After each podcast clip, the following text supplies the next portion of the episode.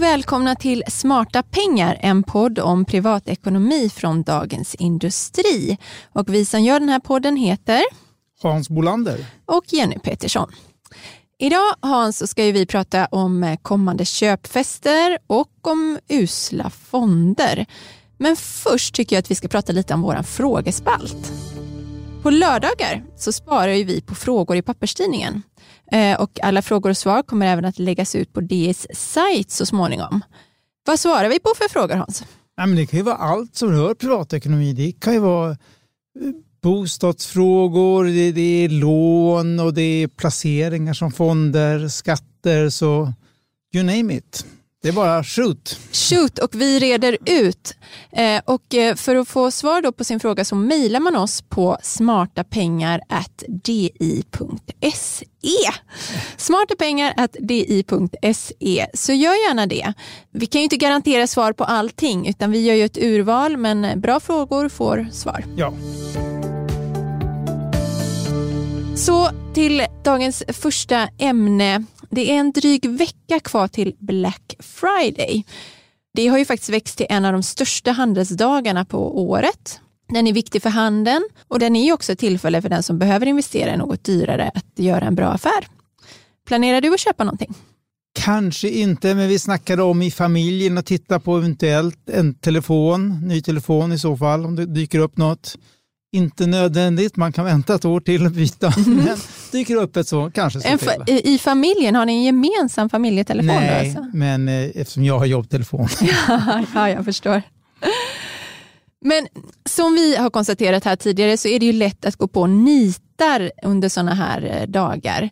Eh, det finns många blufferbjudanden helt, helt enkelt. Alltså rea som inte är rea egentligen. Ja, det där har du kollat lite grann. Ja, Konsumentverket har ju just bötfällt Jolly Room som är en väldigt stor e-handelsbutik som säljer barn, framförallt barnprylar då, eh, barn och bebissaker, eh, både kläder och leksaker och sånt. Ehm, och det man då har kritiserats för är att man anger för höga ordinariepriser så att det framstår som en bättre deal än vad det egentligen är. De där ordinariepriserna ja, ja. har väl kanske aldrig egentligen funnits då. Och Det är flera andra butiker som också hotas av vite då. Eh, Intersport, Sport Amore och Europen är tre eh, butiker som Konsumentverket har lyft fram här bara eh, senaste veckorna och skickat eh, föreläggande till dem. Och de har ju då samma, samma strategi, eh, då att man anger en för hög ordinarie pris. Och jag måste säga, jag gick faktiskt själv nästan på en sån här grej ny, nyligen. Du som är en sån vaksam konsument. ja, jag vet, jag brukar ju vara det. Men det var så här, jag satt en söndagkväll, min son var i desperat behov av en ny jacka. Um, och då var det den här uh, Singles Day som är elfte i elfte. Det är bara ett ja. år, ett år, ett år. Ja, ett år. Det, är en, det är en köpfest som då är importerad, eller de försöker importera. Jättestor från Kina? Jätte, precis, från Kina. Det är en jättestor, men det har inte riktigt slagit igenom här. Men, men i alla fall vissa butiker hakar på det här. Och då hittade vi en jacka som han ville ha, eller som han gillade då, och så stod det att den var nedsatt med 35 procent. Och jag beställde den då eh, på studs, eh, och det skulle, för det skulle bli snabb leverans och sådär. Men i efterhand så kollade jag då på prisjämförelsesajter. Det ska man ju göra innan. Ja, ja, det Men eh, det slog mig då att det här borde jag ha gjort. Och då såg jag ju att det var, det var ett bra pris, det var det. Men det var inte superrea på något sätt, utan den fanns till Nej. ungefär samma pris på andra sajter också, utan att det var något särskilt erbjudande. Så det var ju helt klart ett exempel på det här ja. när man överdriver ordinarie priset. Eh, så det är ju rådet då. Jämför alltid före du köper. På sajter ja, och idag går ju det lätt. Man får inte ha för bråttom helt enkelt. Nej, det är väl det som eh, många av de här företagen eh, försöker hetsa med. Att liksom här, ja. Den här dealen finns just nu och du måste ta den just nu annars så, så missar du det här erbjudandet. Men det, man ska inte gå på det där. Och En annan sak vid sådana här tillfällen, då, apropå Black Friday, det är ju att man köper saker man egentligen inte har råd med. Ja, och det, för det, jag gissar att det är väldigt vanligt att eh, människor betalar med kredit eller använder krediter på olika sätt när de köper. Det har ju växt otroligt mycket eh, de senaste åren och det ser man ju inte minst i statistiken hos Kronofogden. Då. Skulderna ökar ju en hel del av det kommer ju från just näthandel. Eh, och företag puttar ju in konsumenter i krediter trots att man kanske inte hade tänkt sig det från Nej, början. nej. Det är liksom den betalningsmodellen de helst säljer in. Och du blir påmind genom hela köpet att du har den här möjligheten att köpa nu och betala sen. Och du kan välja det här, du kan välja att delbetala, du kan välja att avbetala. Alltså, det är ett budskap man som peppras med hela Ja. tiden. En väldigt obehaglig trend tycker jag.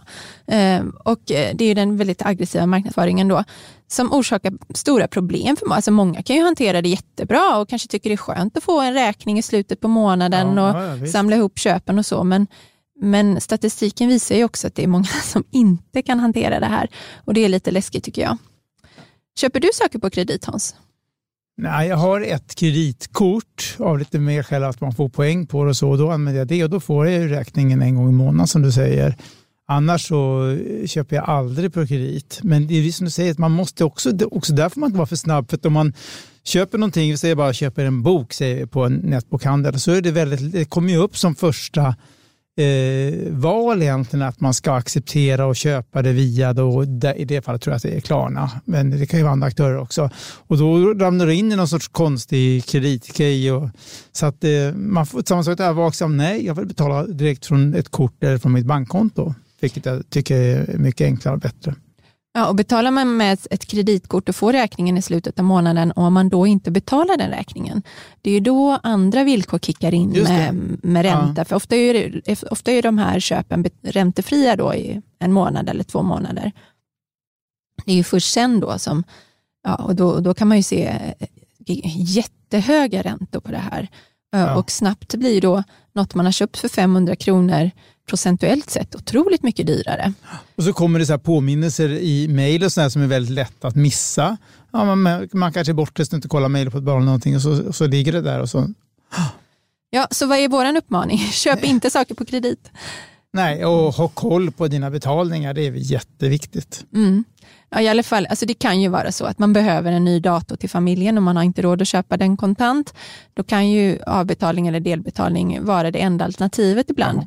Men man ska vara väldigt om sig och kring sig och inte ja, se till att man betalar på det sättet man själv har bestämt sig för från början.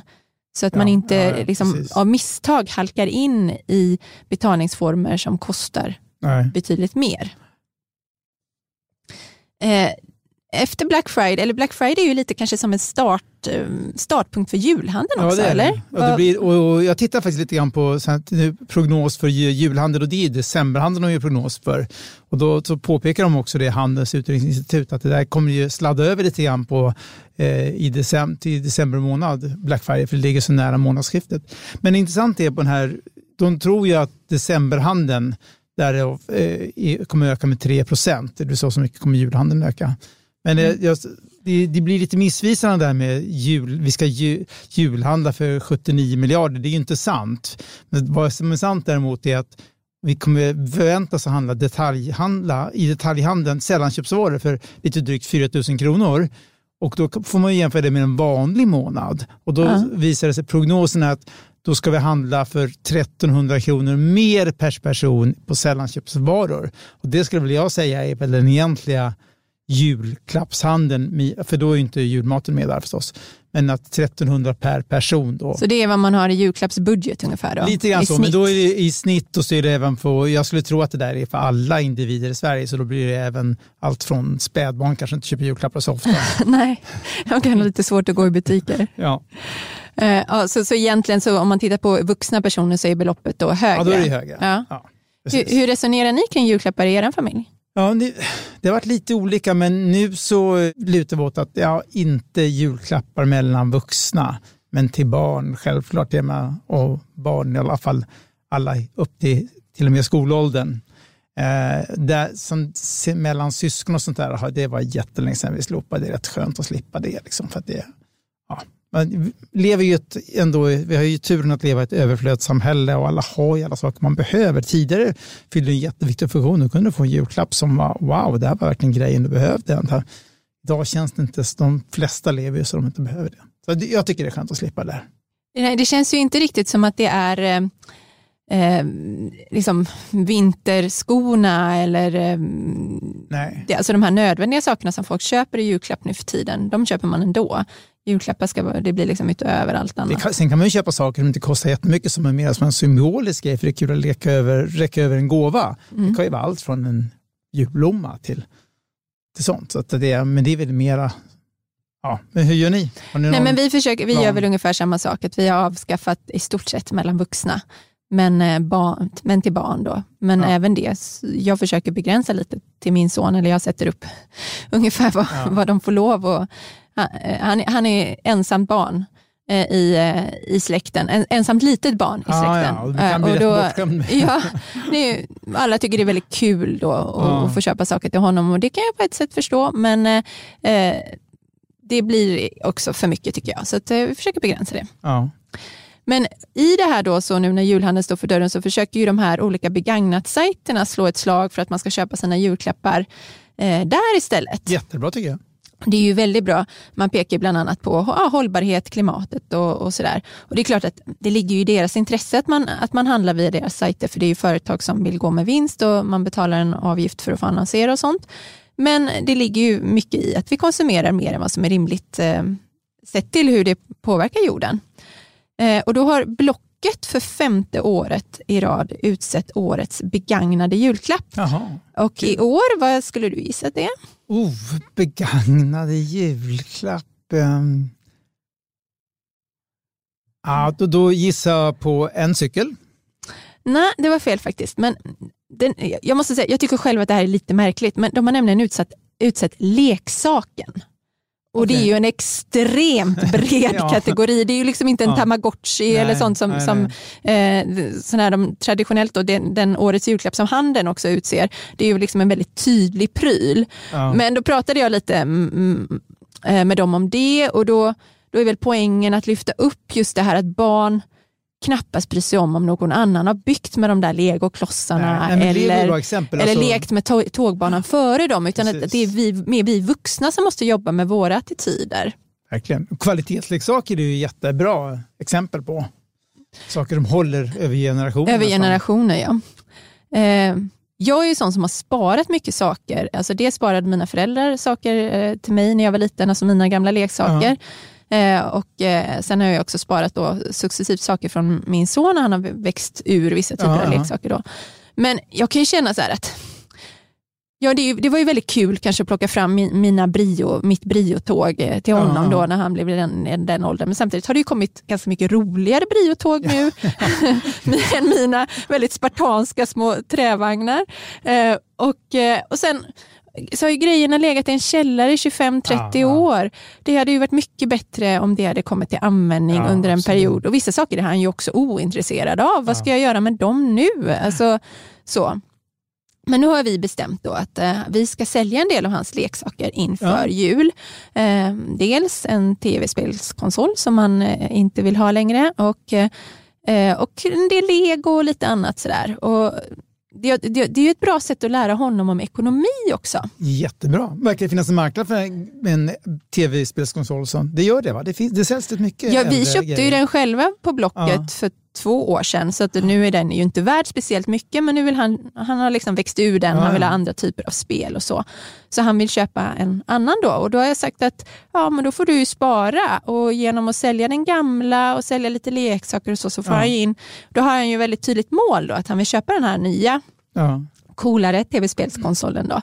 Eh, och så, så har jag sagt, så, så får du ihop nästan till den så kan du önska dig kanske några spel till den i julklapp. Då, så Ja, ja, ja. Så blir det en morot för honom. Så, och han, han är väldigt mycket mindre sentimental än vad jag är.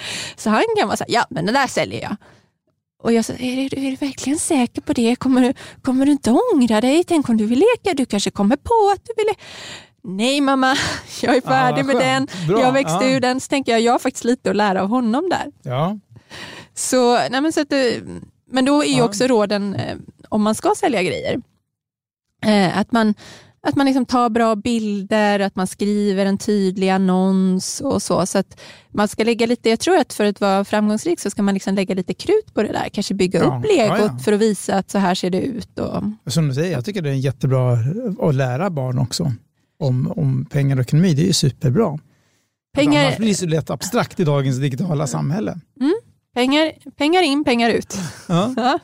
Så vi får väl se hur det här projektet går. Jag får rapportera om det så småningom. Ja, du får se upp sen när han blir större. Han kanske han börjar sälja dina prylar också på loppet när du kommer hem en eftermiddag. Så, så är hemmet tomt. Ja. Eh, nej, det får vi verkligen inte hoppas.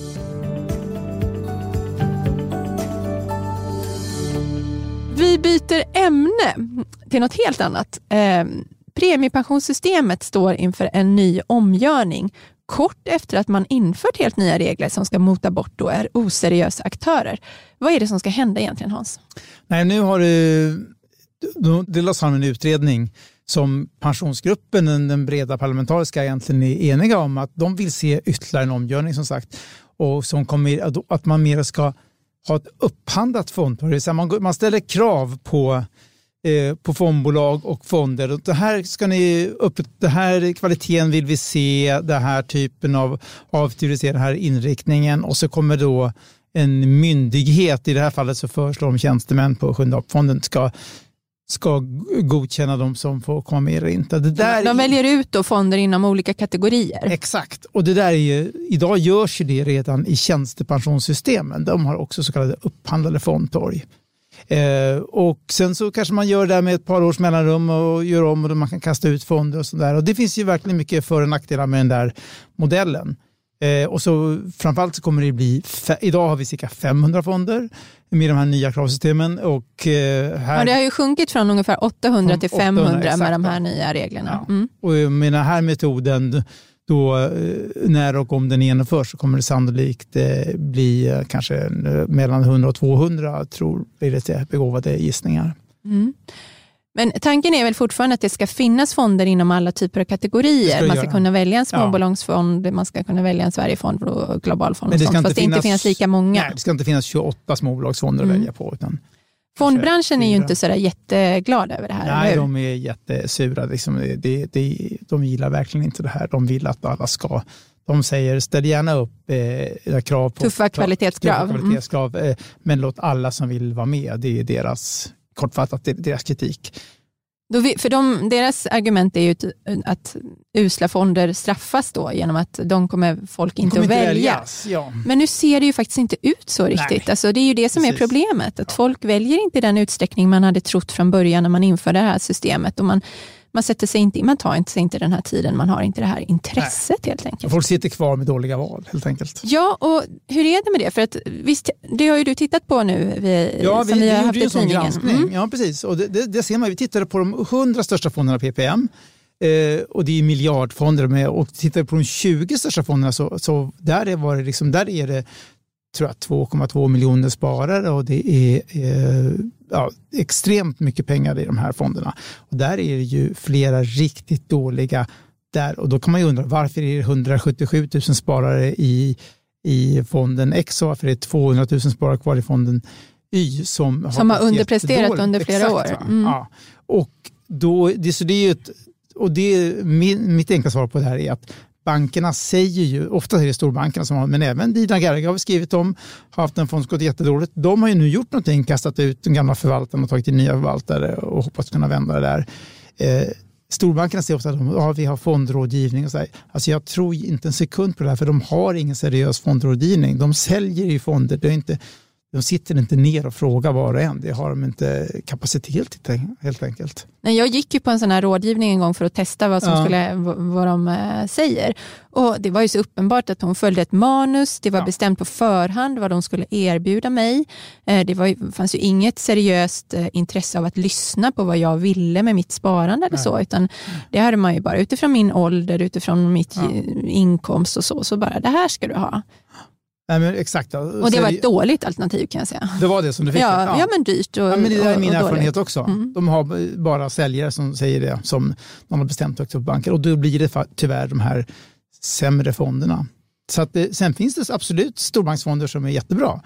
Men de, det, måste, är liksom bara de intresserade spararna som letar sig, som letar fram, sig fram till dem. Ja. Det är inte de de erbjuder i första Nej. Eller om du har turen då att vara på ett kontor där du har en engagerad bankperson som säger de här är, det här är verkligen toppkvalitet. Så, Ja. Men det, det tror jag är undantagsfall. Ja, vi ska, nu ska vi kanske inte dra varenda bankanställd över en kam, men, men nu pratar vi om liksom, på det stora hela, på det stora Exakt. taget så ser det ut så här.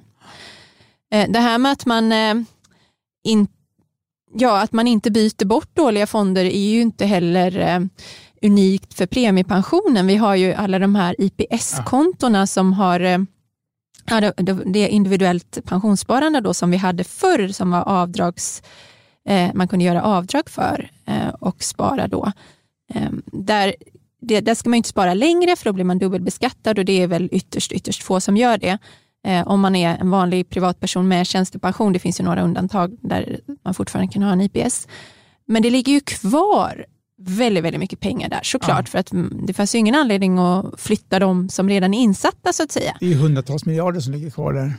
Och där är ju aktiviteten väldigt låg. Ja. Många har ju kanske inte ens koll på att de har de här pengarna. Och där ligger ju många kvar i dåliga alternativ. År ut och år in och eh, fondbolag och banker bara cashar in helt enkelt. Och där skulle jag säga att det där är mer, ännu mer allvarligt för att där är avgifterna relativt höga. Det är I PPM, där det, det enda man kan säga som är, en, som är lite förmildrande för de som har kvar dåliga fonder i PPM är att avgifterna, stora fonder måste pressa sina avgifter rätt mycket så det är låga avgifter där, för de rabatterar kraftigt. Men utanför systemet så är de inte låga. Då, tar de, då säljer de dels, dels dåliga fonder och dels till höga till höga avgifter.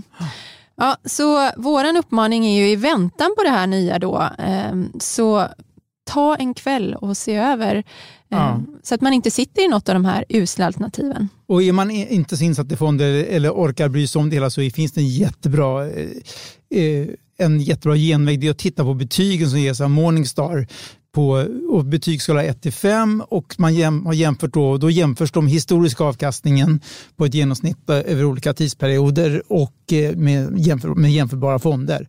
Så har de fonder som har betyg 1 eller 2 är riktigt usla, de har varit det historiskt eh, och eh, 3 är mediokert. Alltså jag skulle bara välja fonder med betyg 4 eller 5 om jag inte sätter in mig i det ännu mer och säger att nu tror jag verkligen på den här marknaden. Och så. Men om man generaliserar så är det ett enkelt sätt att, att Mm. eh, byta faktiskt. Och vill man göra det här en gång och sen aldrig tänka på detta mer, då är ju förvalsalternativet, alltså det statligt förvaltade alternativet i premiepensionen har visat sig vara mycket bra. Eh, Ja. SOFAN alltså. Eh, och det går ju också att välja kanske en vanlig bred global indexfond, en, en, en, index, en lite bredare index Sverigefond och så har man ett sparande som håller över tid som du Ja. inte om du inte vill av olika skäl hålla på och kolla på det där så gäller det ju då att du väljer ett brett alternativ som håller utan att du ja, gör det. Verkligen. Så att, eh, och sen kan man säga sen har det kommit en ny företeelse nu. Eh, alltså konkurrensen ökar hela tiden på fondmarknaden eh, med hur man ska sälja fonder och, och kunna vä- fondtorg. Och det är ju intressant för nu har det kommit ett nytt fondtorg som heter Saver eh, där man i princip skickar tillbaka en del av avgiften som de får för att sälja på ett fondtorg. Det skickar de till spararna. I gengäld så tar de en avgift, en årlig avgift på 0,09 procent för själva tekniken och kunna välja fonder. Och där kan man välja i alla fall 1300 fonder och till nästan halva priset jämfört med vad man köper. Då pratar jag om halva priset, då menar jag lite mindre, eh, alltså nästan halva priset när det gäller den årliga fondavgiften. Så att det blir en sorts rabatt man skickar tillbaka till, eh, till spararna helt enkelt. Och det där är ju jättebra. Det finns några sådana små exempel till, men eh, så det visar att det händer ju saker. Mm. Så det är väl värt att kolla upp. Ja, faktiskt. Bra. Med det tror jag att vi sätter punkt Vad tycker jag? för dagens avsnitt. I väntan på ett nytt avsnitt så lyssna gärna på DIs andra poddar. Vi har eh, Morgonkollen, Ja, vi har ju det digital och analyspodden, Förnuft och känsla, Makrorådet. Ekonomistudion. Ja. Det finns väldigt mycket, både Ja. dagliga, dagliga poddar för nyhetsuppdatering och eh, poddar som kommer lite mer sällan med, med fördjupning. Så kolla det på vår sajt eller på Acast. Och ekonomitips, det kostar ingenting. Det är gratis. Eh, och glöm inte heller att eh, mejla in era frågor till smartapengar.di.se. Smarta pengar redigeras av Umami Produktion och ansvarig utgivare är Peter Fällman. Tack och hej! Hej då.